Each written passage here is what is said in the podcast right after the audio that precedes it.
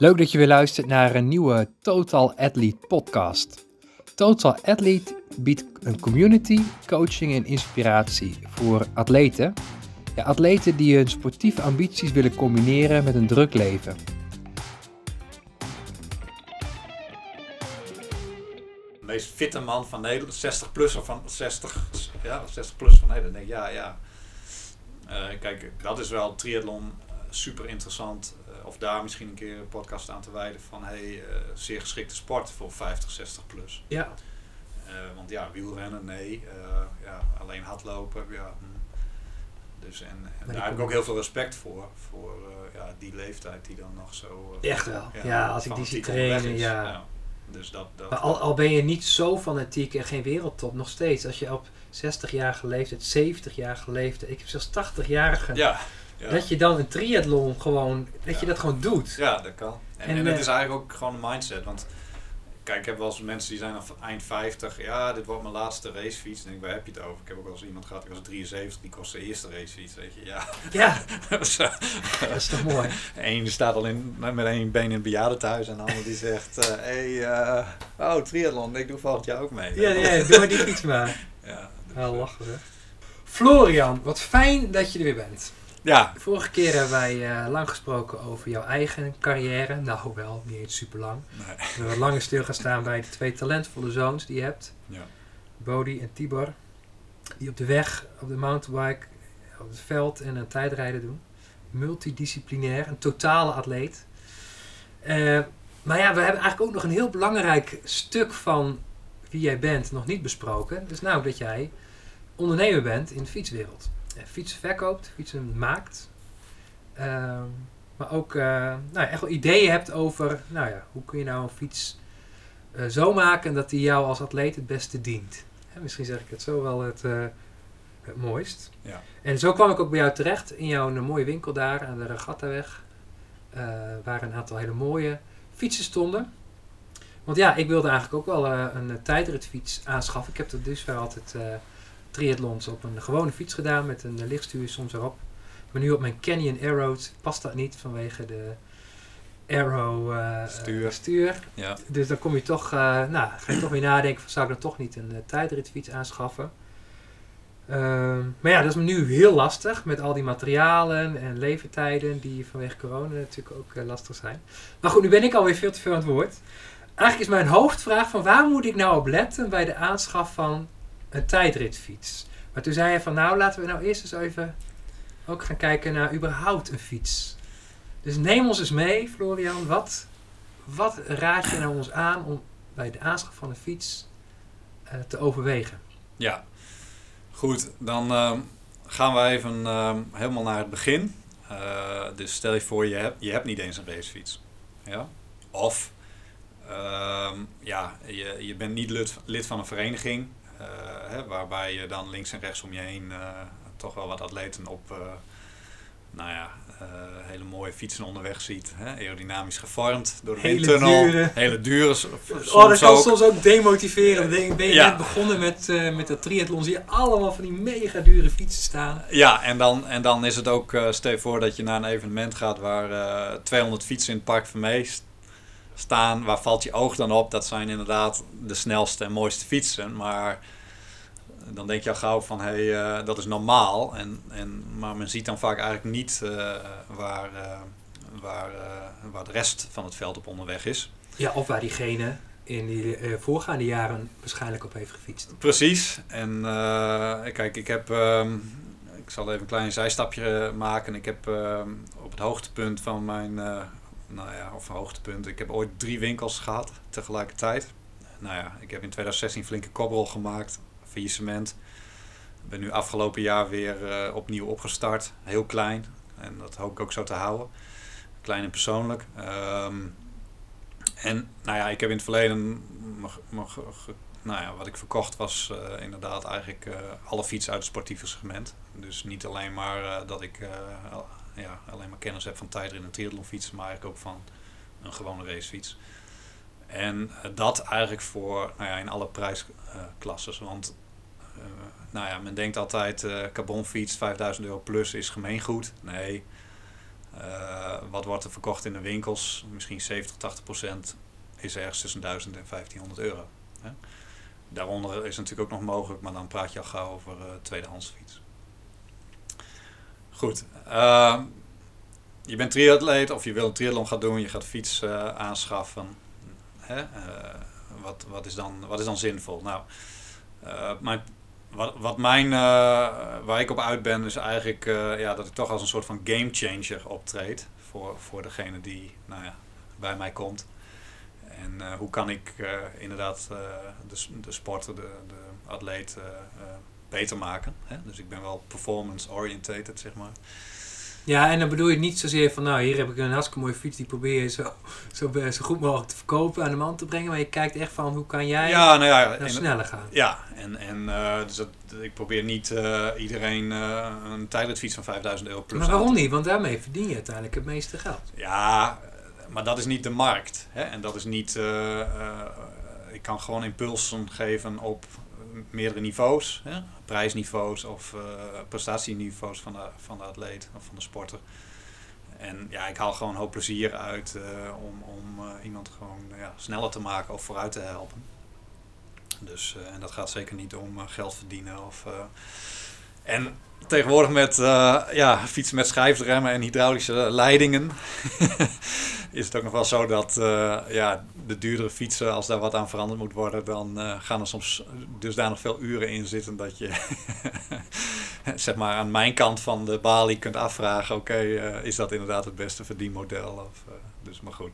Ja, je moet juist heel veel aan materiaal moet je gaan verrekenen, omdat er een duur materiaalstuk is aan de fiets. Ja, maar ja, zeg maar een hoop nou ja, fiets in de, in de hoge prijsklasse, daar zit ook gewoon heel veel tijd in om dat uh, gereed te krijgen. Ja, en in die uren die kun je natuurlijk niet uh, allemaal rekenen. Dus je kan niet zeggen, oké, okay, je gaat een nieuwe fiets aanschaffen, ik moet een aanpassing doen en uh, uurtje, factuurtje. Nee. Je mag nee, okay. zo niet. Kijk, als je iets los opbouwt is dat wat anders. Je pakt een los frame en zet er wielen in, daar zit er opbouwtijd in. Maar, maar natuurlijk niet een standaard product waar je dan wat aan verandert. Dat, dat je zegt van nou, ja. gaan we even een uh, flinke factuur voor schrijven. Maar even terug dan naar de beginnende triatleet. Die ziet ja. uh, van nou, ik heb een, uh, een, hele mooie stadsfiets waar ik van, ja, van mijn huis naar mijn werk fiets. ja. of, of ik heb misschien wel een oude, nou, oude fiets in, mijn, in mijn garage staan, heb ik wat opgeknapt of later ja. opgeknapt. Maar dan komt op de duur de vraag van nou, ik wil, ik wil gewoon een goede fiets. Wat, wat, wat, moet diegene doen? Moet hij op Marktplaats gaan rondstruinen? Moet hij op FlorianBike.nl uh, rondkijken?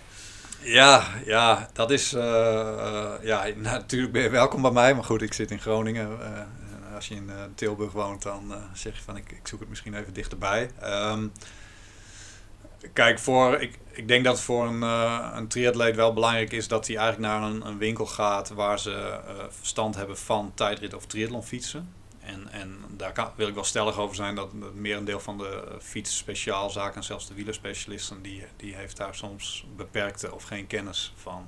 Van tijdrit. Van tijdrit of triathlonfietsen.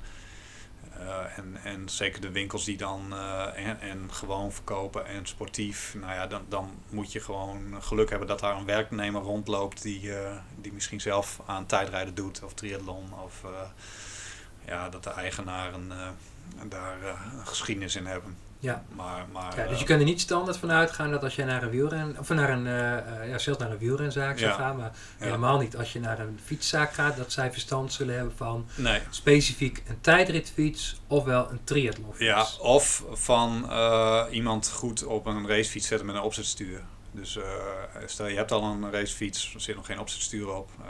ja, dan sommige van die winkels die hebben niet eens die stuurtjes in huis.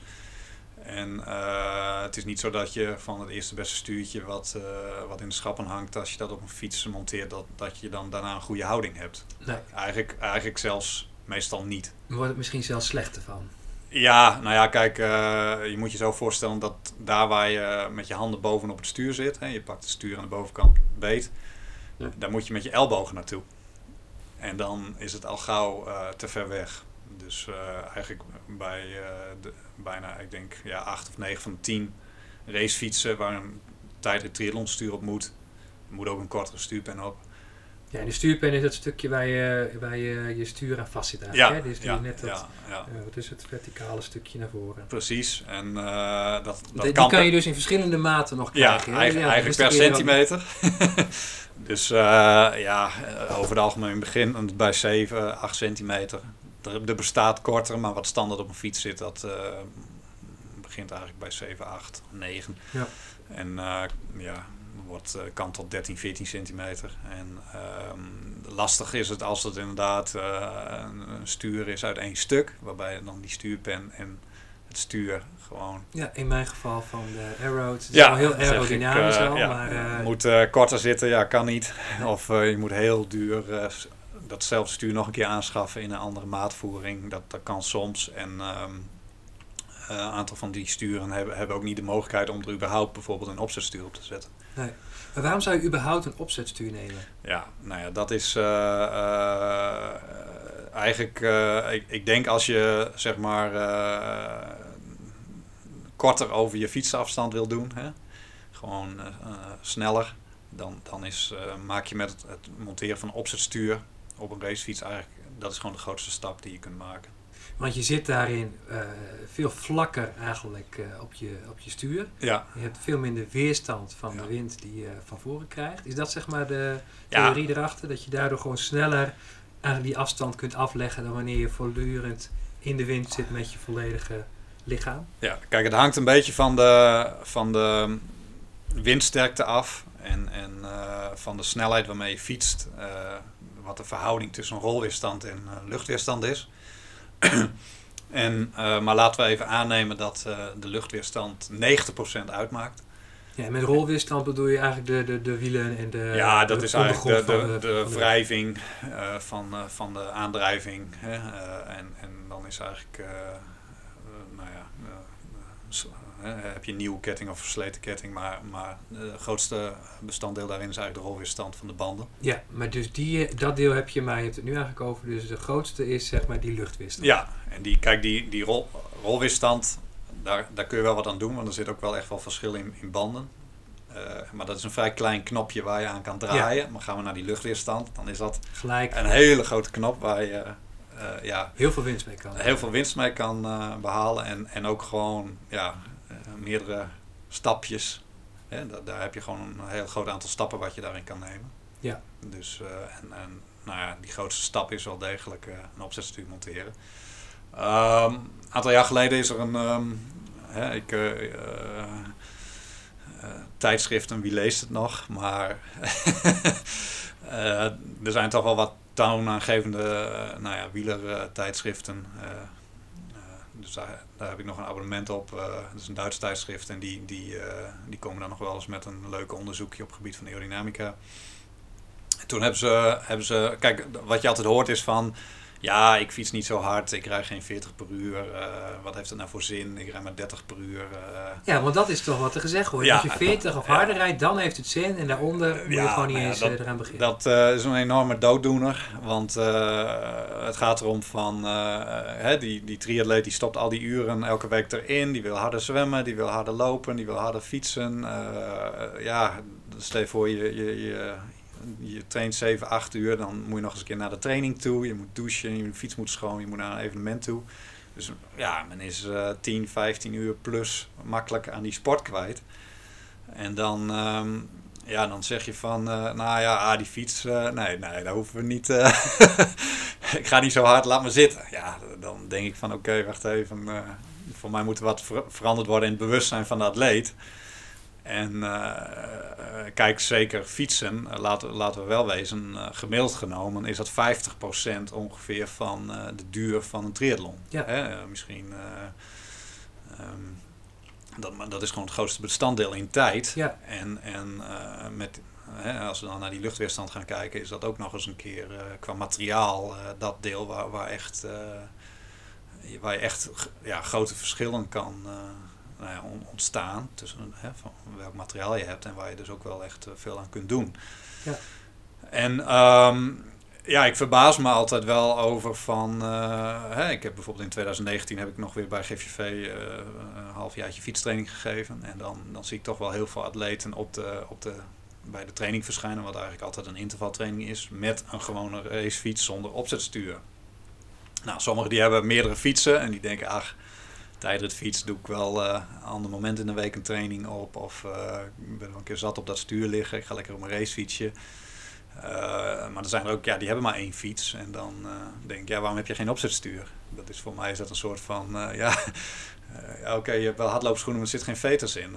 Ja. ja, zo serieus. nou ja, dat is misschien een beetje overdreven, maar wel, ja, ik, ik vind gewoon een opzetstuur het minimale wat, wat gewoon iemand moet hebben. En, en ja, dat hoeft ook niet heel veel geld te kosten. Kijk, ja, want waar spreken we dan over? Even ja, een soort van range. Nou ja, goed. Kijk, bij mij begint het in de winkel misschien bij een, bij een 80 euro uh, voor een, niet verstelbaar stuur tot een 130 euro voor een wel verstelbaar stuur. En wat bedoel je dan met verstelbaar stuur? Nou ja, kijk, eh, die goedkopere stuurtjes, dan kun je de extensions, hè, dat, zijn, dat zijn eigenlijk de lange buizen die uit dat stuur komen, waar je dan, uh, nou ja, die je met je handen omvat. Uh, die, die kan nog wel zijn dat het gewoon, zeg maar, niet in de lengte verstelbaar is. En dan is het gewoon een soort van unisize stuur voor iedereen, of je nou 1,50 meter bent of 2 meter.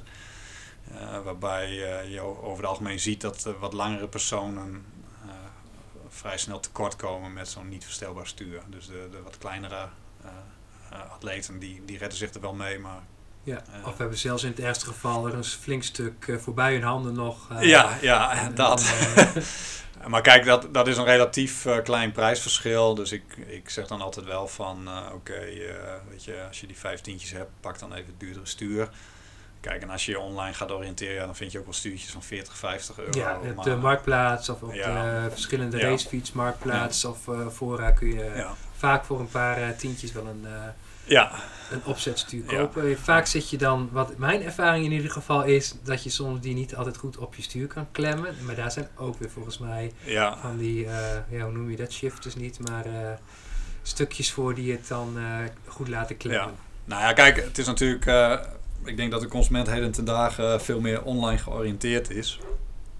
En mensen die, of mensen, zijn, hebben natuurlijk, uh, het is makkelijk. Hè? Je zit thuis, je ziet wat en uh, klik. En uh, met name als het een beetje betaalbaar is, hop, dan zit het al in het mandje voordat, voordat je, voordat je denkt, oh nee, wacht even, ik ga, ik ga toch even mijn jas aan doen, schoenen aan. En ik ga even naar de fietsenwinkel, naar de specialist. Ja, die dan of om de hoek zit of helemaal niet om de hoek zit. Ja.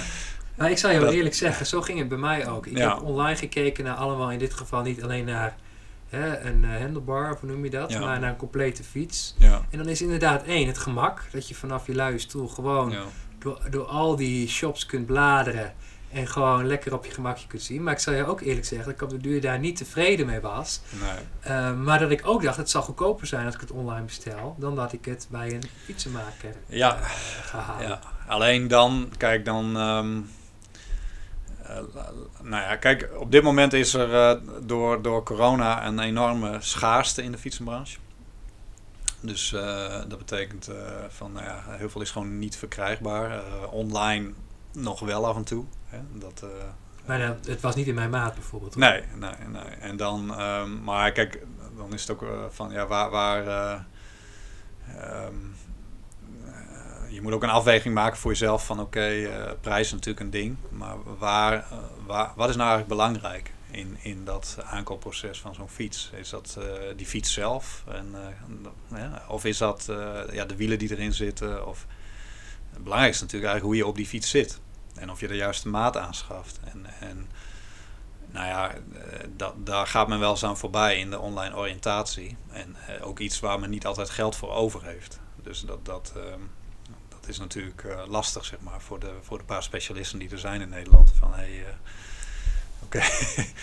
kom naar mij toe en uh, ja, ik zorg dat je goed op die fiets zit. ja, dat, dat is niet de praktijk, zeg maar.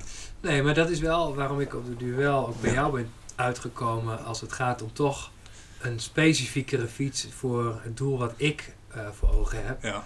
Uh, daar zit natuurlijk, dat, ja, in je mandje zit er niet iemand nee. die om het hoekje komt kijken. Hé hey, Jouke, het is eigenlijk helemaal niet wat jij het uh, op dit moment nodig hebt. Want nee. die, die, weet ik veel, dat zadel, dat zit zo, zo. Ja. Die, ja. Je zit helemaal niet goed op die fiets. Ja, ja nou ja, goed. Uh, kijk, ik zeg niet dat het niet onmogelijk is. Dus kijk, er zijn er natuurlijk ook fabrikanten die proberen zo duidelijk mogelijk aan te geven van welke maat jij nodig hebt.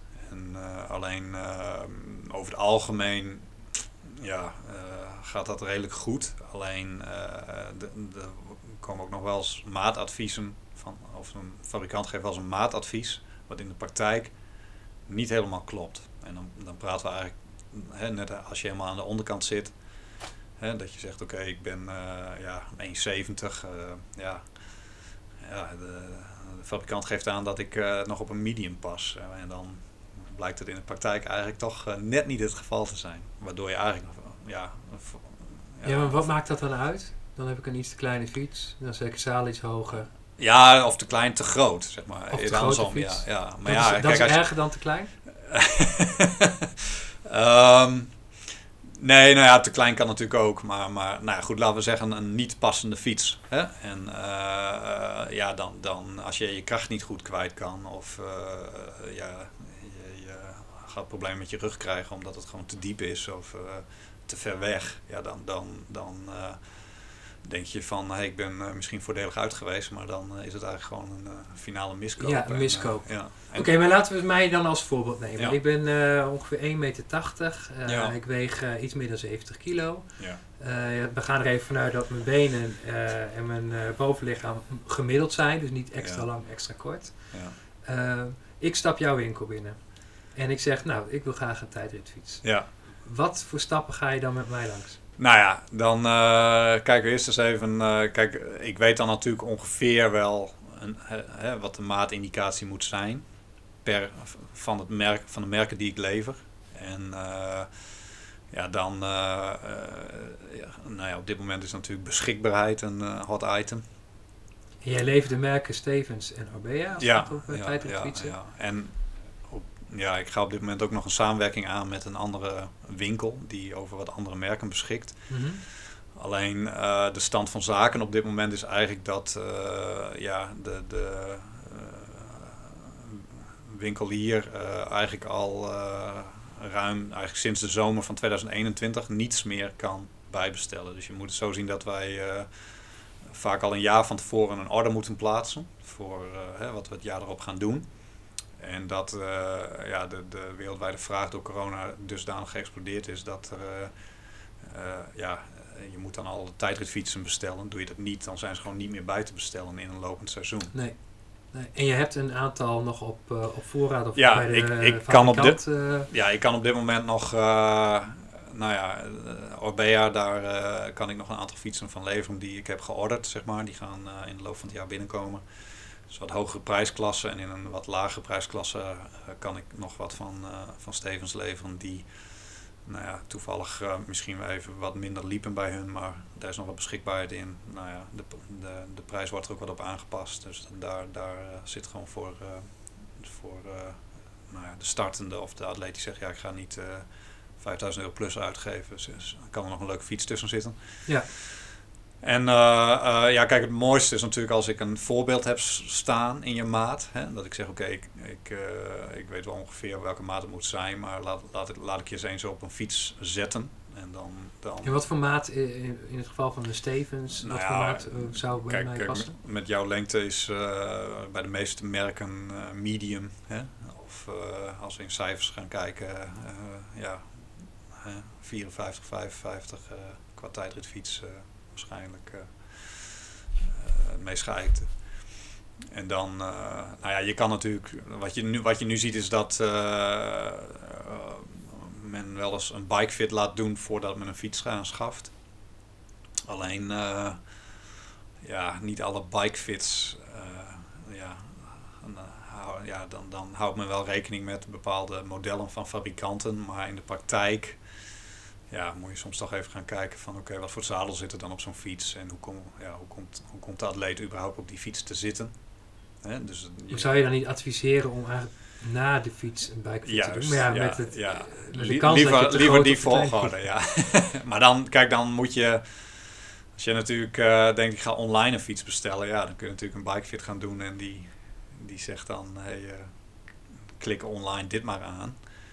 Maar dat gaat dus gebeuren, want ik, dat ik zie, kan dat gebeurt. Ja, dat, dat gebeurt. Dat ja, dat gebeurt. Ik zou zeggen, ja. En dat gaat soms om hele dure fietsen. Ik moet ook zeggen dat ik nu, uh, kijk, uh, de, de, de, fietsenverkoop is enorm gestegen deze afgelopen twee jaar uh, vanwege corona. En ik zie uh, ja, gewoon in het straatbeeld wel, hebben we niet over alleen triatleten, maar gewoon ja, mensen die een racefiets gekocht hebben. Mensen op gewoon echt verkeerde maat fietsen zitten. Waar zie je dat aan? Ja, gewoon in het totaalplaatje. Dus de lengte van de persoon. En dan zie ik een heel klein fietsje met een zadelpen er heel ver uit. Uh, gewoon, ja, met mijn ervaring die ik heb door de jaren heen, dan, dan is het gewoon net een soort van timmermansoog. Je ziet gewoon uh, in één op, oogopslag. Ja, maar van, proberen ze te beschrijven. Let je eerst op die kniehoek of op die Nee, rug, nee, het, de... is gewoon de, de verhoudingen. Dus je, je ziet gewoon de, de, de persoon die erop zit. Ja, dat is gewoon één, één onderdeel van het plaatje wat je ziet. En dan de fiets waar die op zit. En die, en die, en die verhouding die klopt gewoon soms niet. Mm -hmm. Of mensen op uh, inderdaad veel te grote fietsen. dus dat... dat ja, en dan stel ik mij voor dat die, dat die, die, Ja. handen... Ja, ik Ja. doe dat nu voor, maar dat je handen heel ver naar voren zitten. En dat ja, druk op komt of, of weet ik veel spanning. En, en dat het niet ja, ontspannen. overstrekking. En, eh, ja. Maar ook gewoon weer zaal, zadelpen er bijna niet uit, zeg maar. Hè? Dus heel kort stukje zadelpen. En, en, en kijk, die overstrekking die kan eh, bijna iedereen wel zien, zeg maar. Ja, Dat is gewoon, eh, oké, je, je, je komt niet helemaal goed bij het stuur, zeg maar. Dat, dat is wel duidelijk. Maar jij ziet eigenlijk met jouw timmermans oog... zie jij ook kleinere details waarvan je Ja. merkt... Hé, hey, dit, ja. dit, dit klopt eigenlijk net nee, niet. nee. Dus, eh, kijk, en als, ik, als je bij mij komt en ik heb eh, een, voorbeeldfiets staan, ja, dan, dan, ehm, ja, weet je, dan gaan we eerst eens even kijken, oké, welke zadelhoogte moet het zijn? En dan kijken we eens even de cockpit aan de voorkant van, oké, hoe, eh, dan maken we daar even een aanpassing in, zodat je daar gewoon comfortabel en lekker zit. En, en dan kijken we daarna wat het eigenlijk voor je ruglijn doet. Of kijken wat, wat, wat er met je rug gebeurt. En eh, kijk, ik ga er niet. eh, eh, ik, ik doe zelf geen bikefits. Hè, dat is, wil je, wil je dan gewoon nog een stap verder gaan, dan, eh, dan ga ik je doorverwijzen. Eh, nou, een goeie. naar een goeie, want dat stel je heel goed. Kijk, ik zeg altijd, de bikefit is zo goed als degene die de meting doet. En want je, doorverwijst. Ja, want kijk, tegenwoordig zijn we natuurlijk allemaal van, oh, het, het- er rollen wat getallen uit een computer. Dus het moet wel goed zijn. Nou, eh, error, dat is niet zo. Dus dat, dat is gewoon, eh, ja, het, het, wat daar uitrolt is niet altijd eh, volledig, zeg maar. Mhm. En dan, dan de meeste bikefitters, kijk, eh, ja, dat is ook iets wat natuurlijk van de laatste jaren is. Hè. Mensen zeiden, ah, lijkt me wel leuk, ik ga een opleiding doen tot bikefitter. Ik heb zelf ook wel eens de eerste stappen daarin genomen. En ja, dan, dan, dan ehm, eh, laten we zo zeggen dat, dat eh, heel veel bikefitters die, die kunnen iemand wel op een gewone racefiets goed op de fiets zetten. Maar die, die tijdrit triathlon, eh, dat deel ervan, dat, daar, daar hebben ze soms gewoon geen ervaring in, in, in, in geen praktijkervaring, waardoor eh, ze eigenlijk ook die vertaalslag niet altijd kunnen maken. Ja, dus eigenlijk wat jij zegt is zowel voor het fietsen, als je bij fietsen maken komt, ja. is, is het tijdrit of de triathlon fiets. Ja, en de kennis daarvan al zo specifiek. ja, Maar ook voor de bikefitter, die misschien Zeker. wel gespecificeerd is in gewoon, gewoon tussen aanhalingstekens, iemand goed op een fiets zetten, ja, is echt nog weer een andere klasse dan wanneer je een tijdrithouder ja, eh, ja. gaat bikefitten. ja. Hey, want jou, even misschien naar jouw zoon, want jouw zoon is Nederlands kampioen. Eh, Of werd vierde in 2019 Ehm, op, de Nederlandse kampioenschap. ja, nee, kijk, mijn eh, of jongste zoon Tibor, die werd afgelopen jaar eh, Nederlands kampioen tijdrijden. Die werd Nederlands kampioen tijden. Dat kun je in de vorige podcast eh, Ja. kun je daar nog wat meer over Ja. horen. Maar die, eh, heb jij die jongens ook op die fiets gezet en met ze gekeken naar wat voor type fiets ze nodig hadden? Nou, zij zijn eh, eh, eh, gefit, wel degelijk door een specialist. wat een ex-werknemer van mij is. Die bij mij in het verleden zijn eerste stappen heeft mogen zetten op het gebied van bikefitting. En dat, dat is iets wat ik toen aan kon bieden. Hè? Ik zelf niet, maar ja, een werknemer die dat deed. En eh, ehm, nou, hij is daar uiteindelijk eh, mee doorgegaan. Hè? Dus eh, voor zichzelf begonnen en zit in Heerenveen. Bikefit Studio is zelf ook een, een fanatiek tijdrijder geweest. Dan, nu, Kijk, dan nu, triatleet. En doet ook onder andere voor BioRacer ja, de, de snelle pakken aanmeten bij veel atleten. Kijk, en eh, we, zitten natuurlijk in Noord-Nederland, Groningen. Heerenveen is een half uurtje met de auto. Dus dat is natuurlijk een, eh, een mooie verwijzing voor mij om te zeggen, ga daarheen. Maar goed, kom je elders uit het land, zoek dan gewoon een bikefitter die dus ruim ervaring heeft met tijdrit en triathlon en, en daarom ook bekend staat. En niet eh, de eerste beste bikefitter die bij om de hoek zit. En waar, dat je denkt, oké, ja, dit, dit is een fietswinkel die bij mij om de hoek zit. Ze doen bikefits. Ja, tijdrit triathlon, ja, kan ook wel. Maar eh, ja, eh, eh, dan adviseer ik, ga een deurtje verder. En zoek die, die, die specialisten op dat gebied op. Ja. En, en dan nog liever al met een bestaande fiets. Mits je natuurlijk ja, de juiste maat hebt gekocht. Ja, even besteld. ervan uitgaan dat jij de goede fiets Ja. hebt. Ga dan met je fiets Ja, eh, die bikefit doen. En ga Ja. niet eerst een bikefit doen nee. op een, ja, wat voor fiets wordt het dan überhaupt gedaan? Hè? Oh, Ja, nou ja, kijk, daar, daar, dan, dan eh, zegt de computer van oké, je kan deze en deze fietsen aanschaffen. Oh ja. En, Ja. en- nee, maar dat moeten we niet hebben. Nee, Nee, nee, dat, eh, dat nee, we niet. Dan, eh, Hey, en jij had het ook nog over misschien een iets meer in detail hè, gaan nu van, van zo'n houding, zo'n Ja. aero houding. Want daar hebben we nu over. We willen een fiets, ja, tijdritfiets, omdat je sneller wilt uiteindelijk. Dus over een parcours van 40 kilometer ja, wil je uiteindelijk 2, 3, 4, misschien wel 5, misschien wel meer minuten eraf snoepen. ja, eh, onder dezelfde omstandigheden, eh, alleen wel met een andere houding. ja, Dus een lichtstuur gaat daarbij ontzettend veel helpen, zeg jij. Ja. Maar jij zei ook, en dat was even buiten deze podcast, jouw lichaam heeft ook, heeft ook jouw lichaamsbouw eigenlijk heeft ook een bepaalde invloed. En je noemde daarbij en Kruiswijk, maar ook jouw zoon. ja. Kun je dat nog eens toelichten? Ja, kijk, eh, ehm, ehm, eh, nou ja, het is belangrijk dus om wat aan die, eh, om, om wat te sleutelen aan die, eh, aan die luchtweerstand. Hè? En ehm, om nog even een eh cijfermatige wat info te geven. Kijk, eh, er zijn wel wat testen die vaak op hogere, nou ja, met hogere snelheden gedaan zijn. Dus dat men zegt, oké, we gaan eh 45 km per uur nemen. Wat is er voor nodig om, hoeveel wattage is er nodig om, eh, om dat te bereiken met welk materiaal. Maar eh, nou ja, ik heb dus een test uit het verleden die dus een keer wat getallen geeft bij een, een eh, lagere snelheid. Ehm, iemand die bijvoorbeeld 32 per uur kan rijden eh, op een racefiets eh, zonder opzetstuur in een, in een. En die monteert een opzetstuur, dan gaat dat gemiddelde al puur, ja, gemiddeld genomen naar 34,5. Wat resulteert geloof ik in een tijdwinst van 5 minuten 15 over die afstand. Oké. Ja, oké. Nou ja, en dan stel je voor dat je toch eh, aan het battelen bent met je clubgenoot en denkt, ja, ik moet eh, voor hem finishen. En eh, ja, dat betekent natuurlijk als je daar vijf minuten pakt, dan, dan zit je in één keer tussen ja, andere atleten, bij wijze van spreken. ja. Dus dat, dat, ja, dat, dat doet gewoon heel veel. Maar dat is wel interessant, hè? Want ehm, voor heel veel van ons gaan we die 45 per uur, gaan we echt niet zomaar even fietsen. Nee, laat staan dan die 45 verbeteren naar eh, 47. ja, Bovendien is dat ook nog eens veel moeilijker om van 45 ineens naar 47 te gaan fietsen. ja. Dan van 32 naar 34. Want dat gaat, eh, zoals ik weet, exponentieel. juist. Maar goed, dat is alweer wat dieper erop in. Maar dit is dus wel mega interessant. Dat jij dus zegt, stel je fietst zeg maar in een kwart triathlon.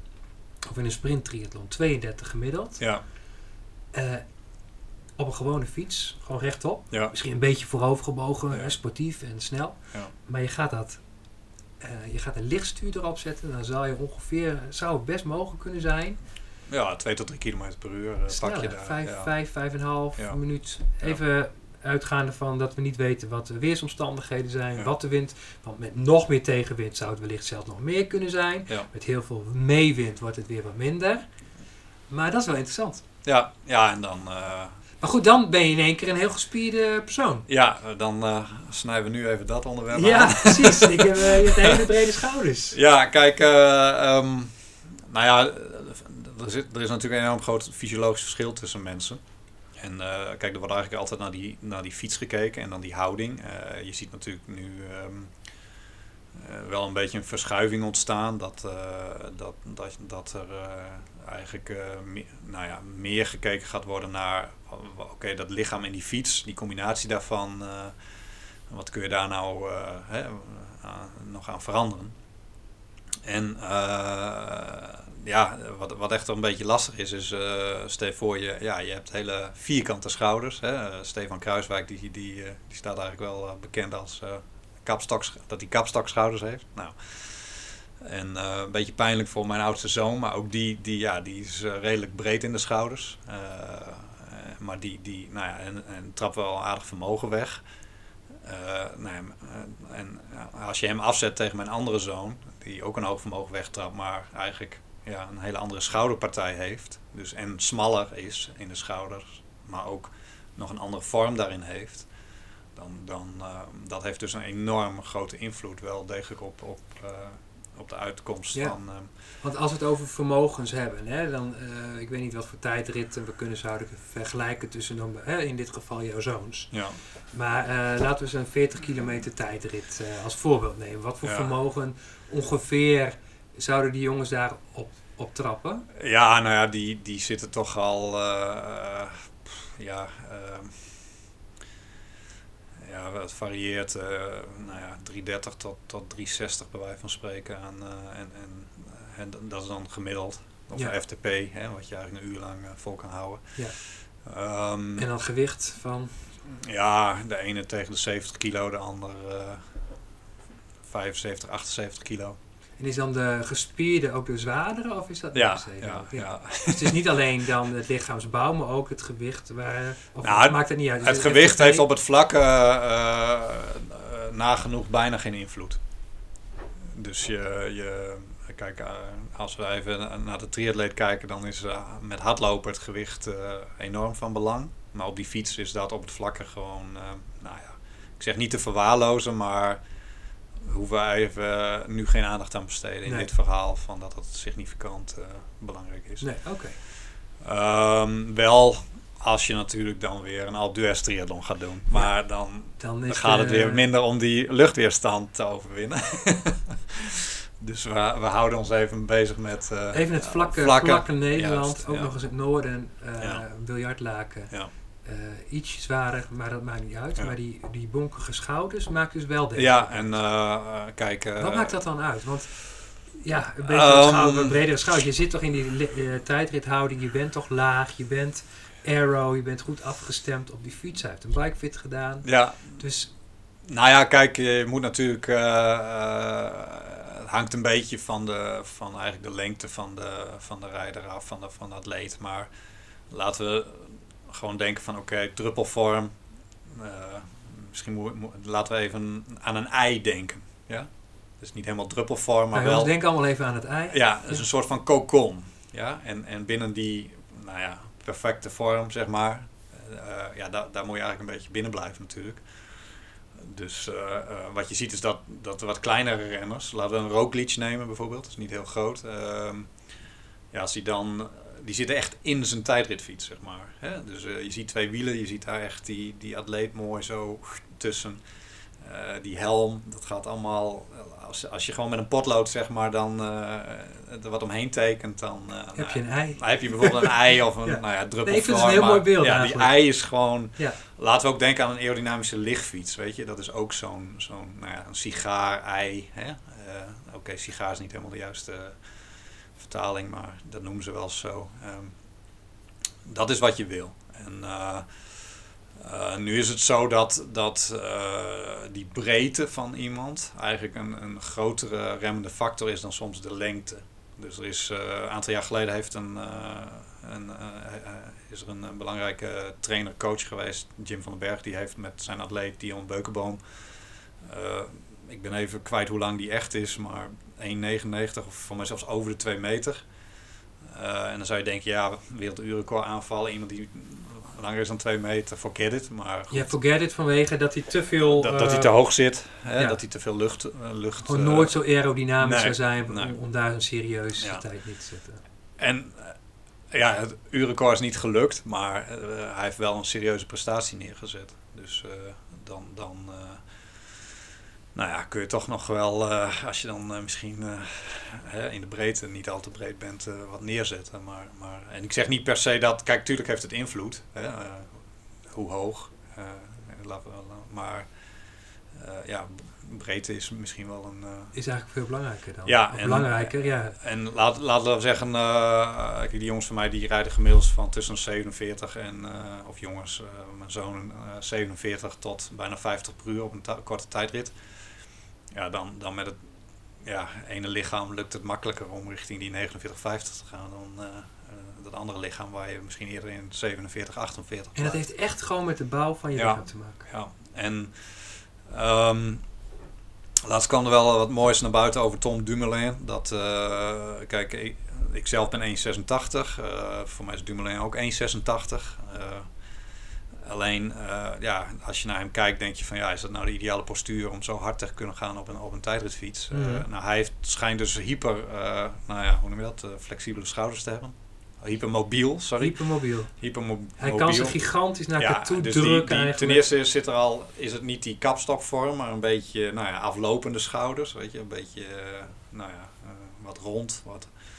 En dan heeft hij nog eens ja, het vermogen om zeg maar, die schouders op te trekken tijdens zo'n tijdrit. Waardoor eigenlijk zijn hoofd en schouders ja, weer een beetje die cocon worden. Die, die, hè, of, of meer beter opgaan in die, Mhm. in die coconvorm, zeg maar.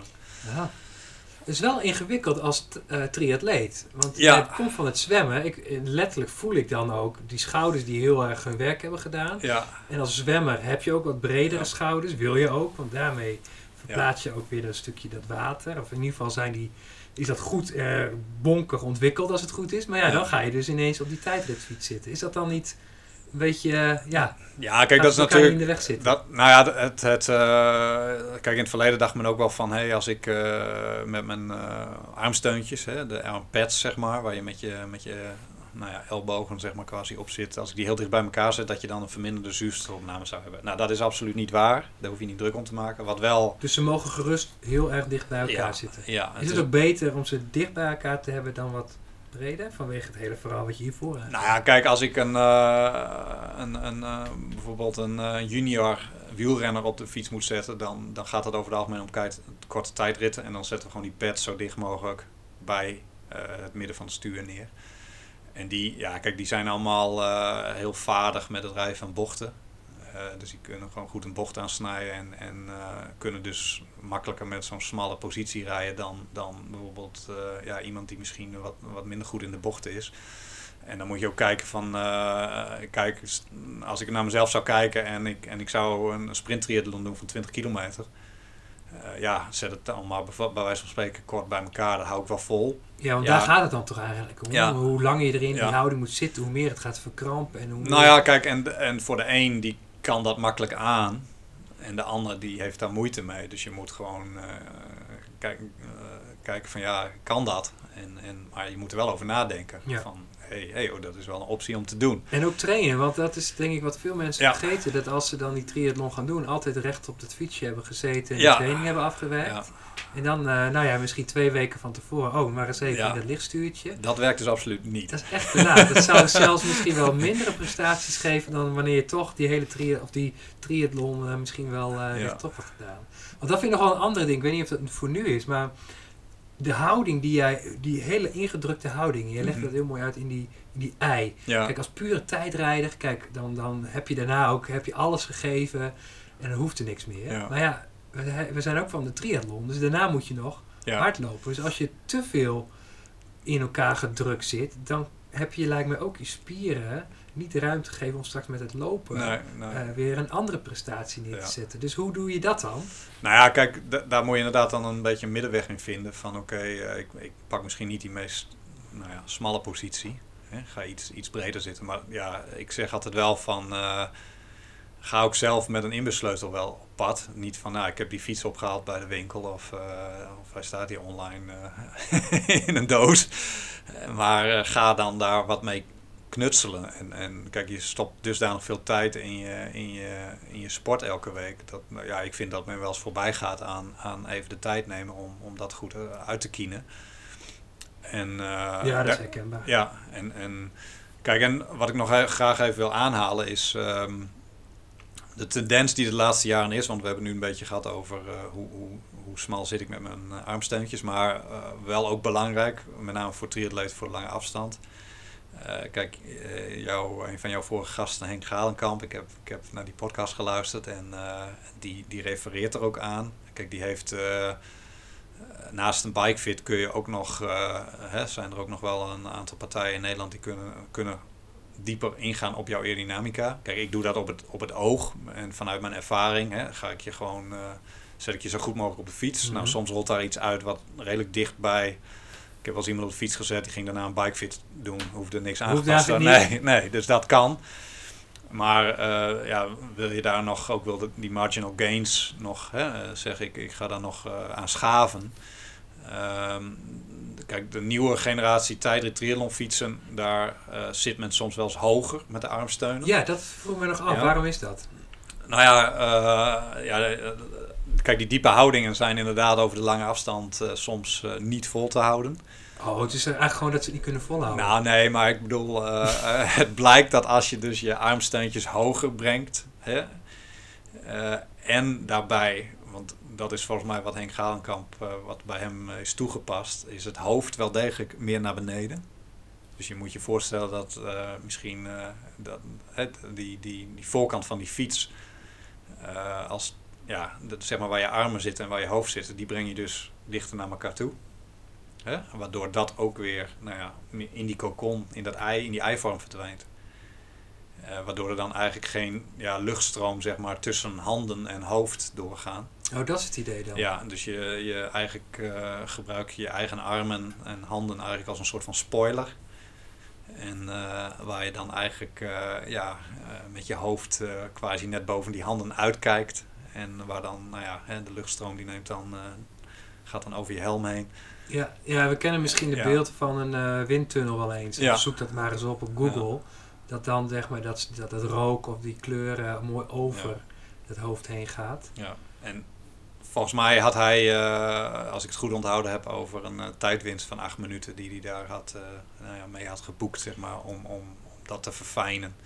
Nou, wat, me ook, wat ik me herinnerde van Henk is dat hij eerder heel erg in, ehm, in elkaar gedrukt zat. Ja, klopt. Omdat je toch het idee ging- hebt van nou, hoe meer ik in dat kokonnetje zit, hoe, sneller ik zal gaan. Maar dat bij hem toch een kleine verandering ten opzichte van die houding, nou, toch iets, iets opener. Ja. Maar blijkbaar misschien wel voor eh, iets, iets wel compacter met die handen dicht bij het hoofd. Dat hij daardoor inderdaad toch beter zijn kracht ook kwijt kan. En dat is natuurlijk naast aerodynamica lijkt me dat ook nog wel een belangrijk aspect. Dat je niet alleen maar eh, aerodynamisch bent, maar Nee. dat je ook ergens die power Ja, eh, kwijt kunt. Want als jij veel rechtop fietst, gewoon op een normale fiets, dan heb je een compleet, eigenlijk een compleet andere houding dan wanneer jij meer eh, in een liggende houding zit. ja. Zou je daar nog iets over kunnen zeggen? Van hoe kan je nou, hoe moet je hoek van je, van je been staan ten opzichte van je zadel, ten opzichte van je, ja, je liggende houding?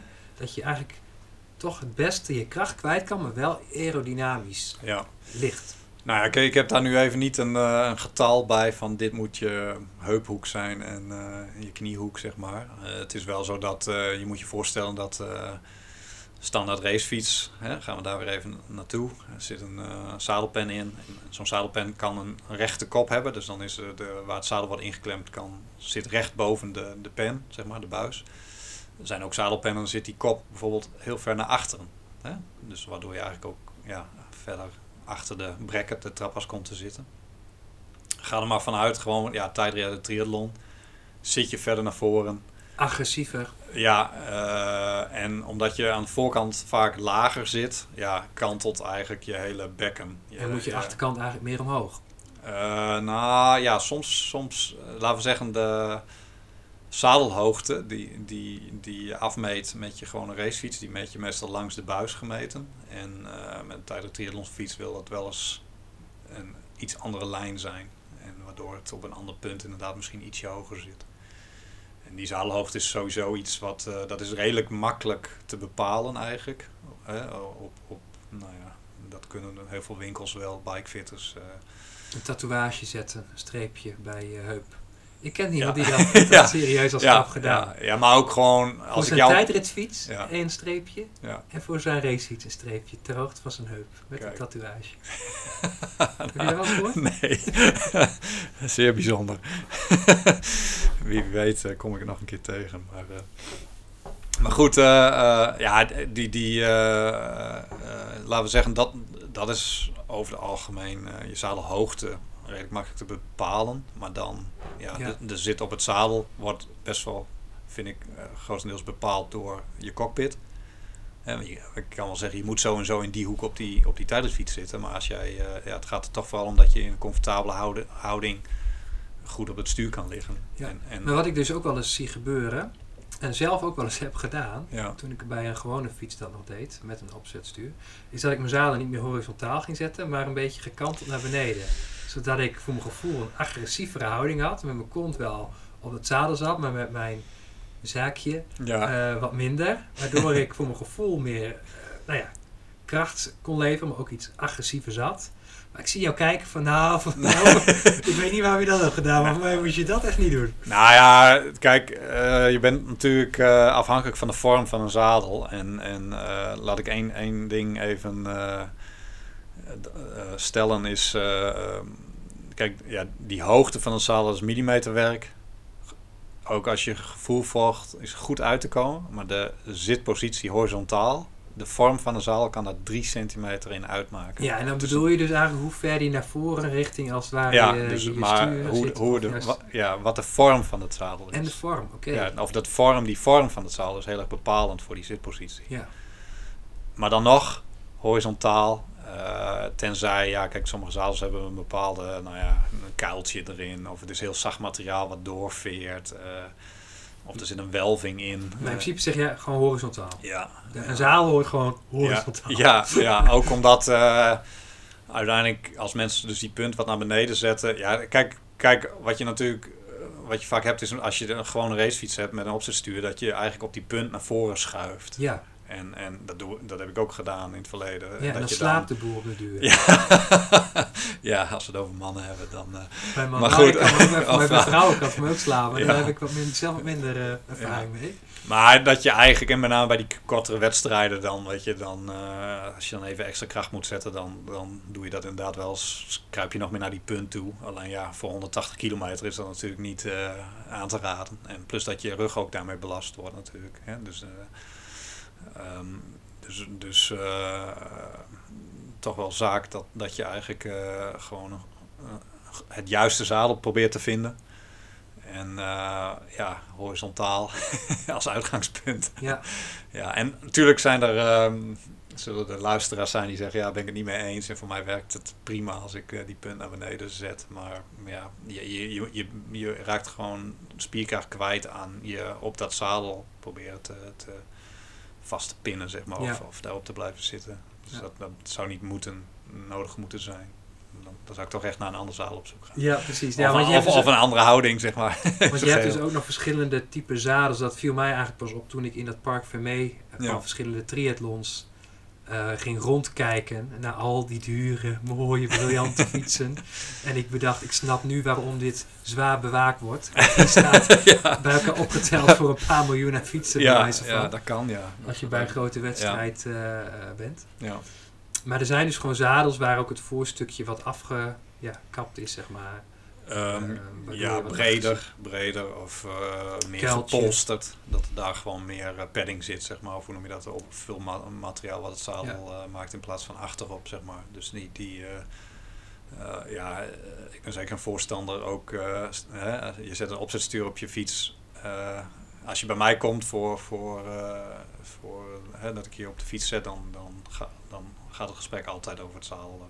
Ja, dus dan zou je ook een, goede, een goed zadel Ja. aanbevelen. Verschillende zadels even laten Ja. zien van nou, Ja. misschien is dit nog iets voor je. Ja, en eh, eh, kijk, die fiets hoeft niet altijd eh, de hoofdprijs te kosten. Maar, Met zadel kan het wel zijn. nou ja, ze trekt er in ieder geval wat geld voor uit. Ja. En soms kost het ook wat geld om, om de zoektocht daarin te, te- tot een goed einde te Ja, brengen. ja. Dus soms is het ook wel zo dat ik zeg, nou ja, kijk, ik heb wel eens wat eh, leenzadels. Maar ook als je wat aanschaft, nou ja, weet je, oké, zit het niet, dan zet je het daarna weer op marktplaats. En dan koop je weer een andere. En die, en die zadel hoeft niet allemaal 300 euro te kosten. Ik bedoel, eh, dat varieert tussen vijf tientjes en ook weer eh, ja, 150 euro. Ja. Daar, daar is altijd wel iets goeds in te vinden.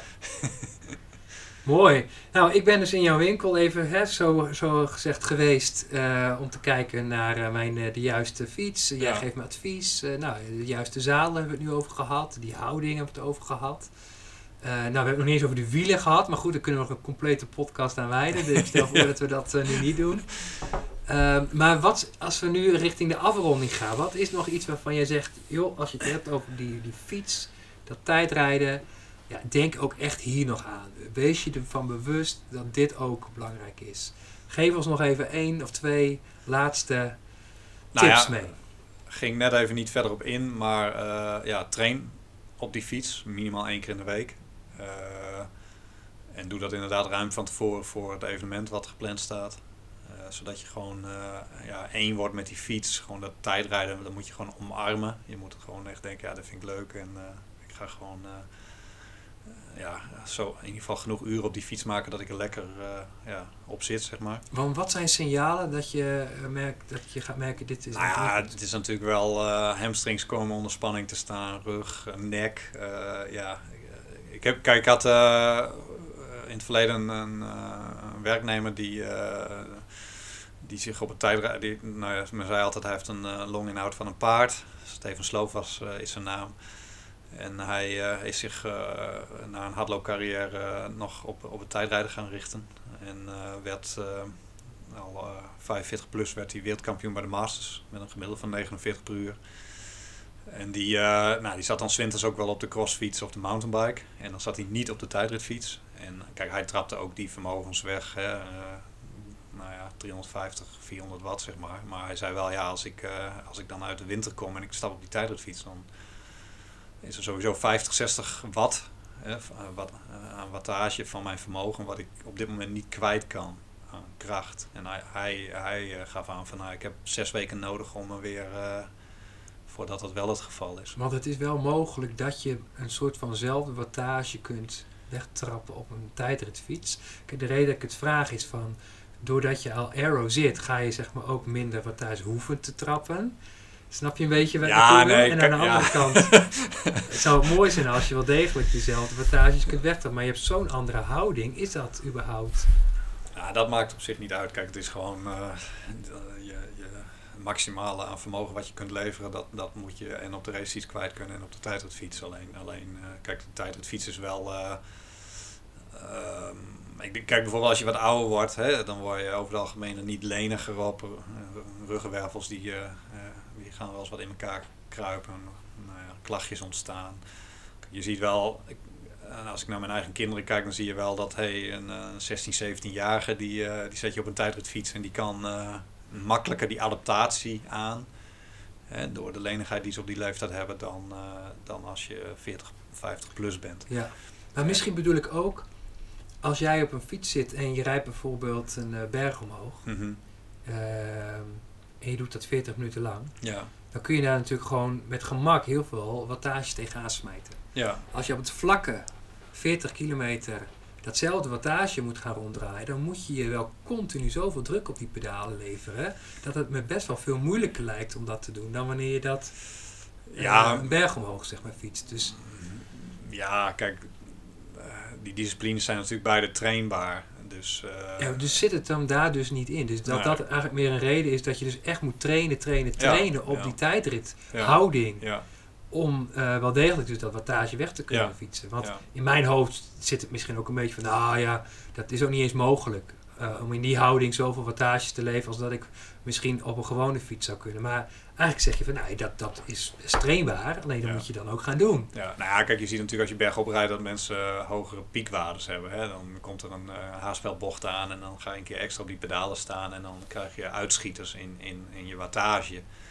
Maar gemiddeld genomen verschilt het niet. En, en kijk, met een tijdrit, uh, eigenlijk is het gewoon ja, uh, bergop rijden of een tijdrit. Je moet nog steeds van A naar B in zo kort mogelijke tijd met eigenlijk een zo goed mogelijke verdeling van je kracht. Ja, maar je hebt wel continu uh, de tegendruk van de is waterkracht toch? Of in ieder geval van die helling.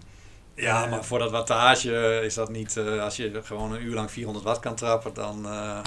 oh ja, is het gewoon bergop een uur lang 400 watt trappen of in de tijdrit ook een uur lang 400 watt trappen. En, en kijk, de, de, misschien heb je met een, hè, met een, met een tijdritfiets, kijk, als je met een vermogensverbeter werkt, dan kun je natuurlijk zeggen van oké, okay, tegen de wind in trap ik net even een beetje onder mijn gemiddelde. En voor de wind net even. hè? Daar, daar, daar kun je wat mee spelen. Ja. Om, om toch dan zo, uh, of ik bedoel tegen de wind in misschien net even wat meer vermogen. En voor de wind om, om ja, je, je, je, de energie die kan leveren toch zo gelijkmatig te verdelen, zeg maar.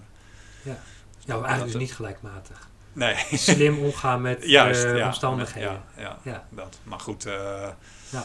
in wezen uh, moet je gewoon zorgen dat je die houding gewoon aan kunt. En, en ja, um, misschien lukt het eerst 20 kilometer. Nou, dan denk je, oké, okay, ik ga een kwart triathlon doen. Nou, dan zorg je dat je die houding 40 kilometer aan kan. En dan ga je een hele triathlon doen. En dan zorg je dat je die houding 180 kilometer aan kan. Of dat je zegt, oké, okay, ik maak toch een kleine aanpassing in die houding om... Ja, zou dat ook een advies van je kunnen zijn? Ja, het zou kunnen. Alleen je ziet wel dat... Uh, uh, kijk, mensen die een hele triathlon in de planning hebben... die, die pakken dan vaak wat kortere afstanden mee in hun, uh, in hun opbouw. En, en ja, ja, maar ja, gaat gaan sowieso... Dan, de sleutelen dan niet echt aan die fiets. Nee, maar je gaat sowieso, als het goed is, in je trainingen dan echt veel kilometers maken dat hoop, in die houding. Dat, dat hoop ik, dat hoop je. Maar uh, kijk, er zijn ook uh, zat uh, triatleten of, die, die, die een hele triathlon doen met een minimaal aantal uren aan, aan voorbereiding of aan, aan training door de week. Ja. En, en daar, kijk, stel je voor je, je fiets maar drie uur in de week. Ja, dan, dan moet je afvragen of het zin heeft om iemand te proberen heel aerodynamisch op de fiets te zetten. Dan, dan moet je misschien zeggen, oké, okay, uh, zullen, zullen, we, zullen we maar even kiezen voor een houding die, uh, die in ieder geval 180 kilometer volhoudt. Ja, maar dat vind ik nog dus wel een goede, misschien afsluiten voor deze podcast. Ja. Dat volgens mij uh, in alles heel duidelijk is dat een lichtstuur jou sneller maakt. Ja. In ieder geval op kortere afstanden, maar eigenlijk ook op langere als je daar tenminste ook heel veel voor hebt getraind. Hmm. Maar dat als jij een lange triathlon gaat doen, 180 kilometer fietsen en daarna nog een marathon hardlopen. En je hebt amper daar in die lichthouding getraind. Dat je misschien beter op een gewone fiets uh, kunt gaan fietsen. En die houding wat opener en wat minder belastend maakt. Zodat ja. je dat, die marathon beter gaat volhouden. Want uiteindelijk voor een triathlon ben je niet aan het fietsen, maar ben je aan het zwemfietsen lopen. Dat klopt. En die ja. drie combinatie. Ja, ja ik, ik zeg dit, maar uh, Klopt dat? Kun je daarin komen of heb jij daar een andere kijk op? Ja, nou ja, kijk, je moet. Uh, ik denk dat het heel belangrijk is dat je jezelf niet tegenkomt tijdens, die, tijdens het fietsonderdeel. Dat je op een gegeven moment na 120 kilometer denkt van, uh, pff, uh, ja, ik, ik wil nu toch liefst eigenlijk even heel rechtop zitten. En da dat is belangrijk, want dan, dan, dan ga je, nou ja, dan gaat het al snel richting story gone bad ja, hè, ik lag lekker op planning, alleen na 120 kilometer gebeurde. Ja, ja, nou ja kwam ik eigenlijk in, in, in, in, in, een situatie dat, het, dat ik, nou ja, op een gegeven moment ga je er misschien aan uitstappen of zo denken van. Want uh, dit, dit is uh, niet het beoogde scenario. Hè? Dus je, je ja, ja. dat, dat is wel, dat is natuurlijk, daar moet je goed van tevoren ja, over nadenken. Alleen ja, eenmaal van die fiets af is mijn eigen ervaring vaak wel weer dat, dat het dan maar weinig atleten zijn die zeggen, ja, ik heb zo'n last van mijn rug, ik moet, moet stoppen nu. Dan, dan zie je toch wel van, oké, okay, uh, het heeft misschien even een paar minuten tijd nodig, maar op een gegeven moment zit je dan, uh, nou, ben je in één keer weer die hardloper. Ja. En, en gaat het wel. Dan gaat het wel. Ja, maar ik denk wel. wel dat je veel, toch veel tempo kunt kwijtraken als je toch 180 kilometer lang in een houding hebt gezeten die net niet helemaal lekker nee, is. Nee, nee. En dat weet je soms ook niet. Dus ja, soms is het ook door uh, schade en schande dan uh, nou ja, ja dat ja. ervaren. Dan, nou ja, ik, ik spreek alsof ik veel ervaring heb. Ik heb zelf ooit een zelf georganiseerde hele triathlon gedaan. En dat is ook mijn ervaring op de hele afstand. Ja. En dat was op een, een Cervelo S1. Ja. Het oude ja oude model die zo Ja. wel wat uh, aero probeerde te maken. Met een opzetstuur. Wel veel in getraind. En prima gefietst. Ja. Ik denk uiteindelijk veel meer wattage weggefietst dan dat dat nodig was. Als ik een andere fiets had gehad. Maar ja, nou ja, best wel voor een racefiets snel frame. En uh, kijk, je kan in wezen wel uh, met een, uh, ja, een bepaalde racefiets dan kun je nog wel best wel in de buurt komen van, bepaalde tijdritfietsen, als je zegt, oké, ik doe er ook een paar snelle wielen in. En, eh, hè, dan- ja, nou, ik had wel hoge velgen. ja, precies. Hoge velgen erin, het zag er Dan, allemaal best wel eh, stoer uit. Ja, nou ja, dan, eh, dan, dan dat, kijk, eh, na, na het monteren van een opzetstuur is zeg maar wielen. Eh, het volgende, ja, hè, even los van de houding. Hè.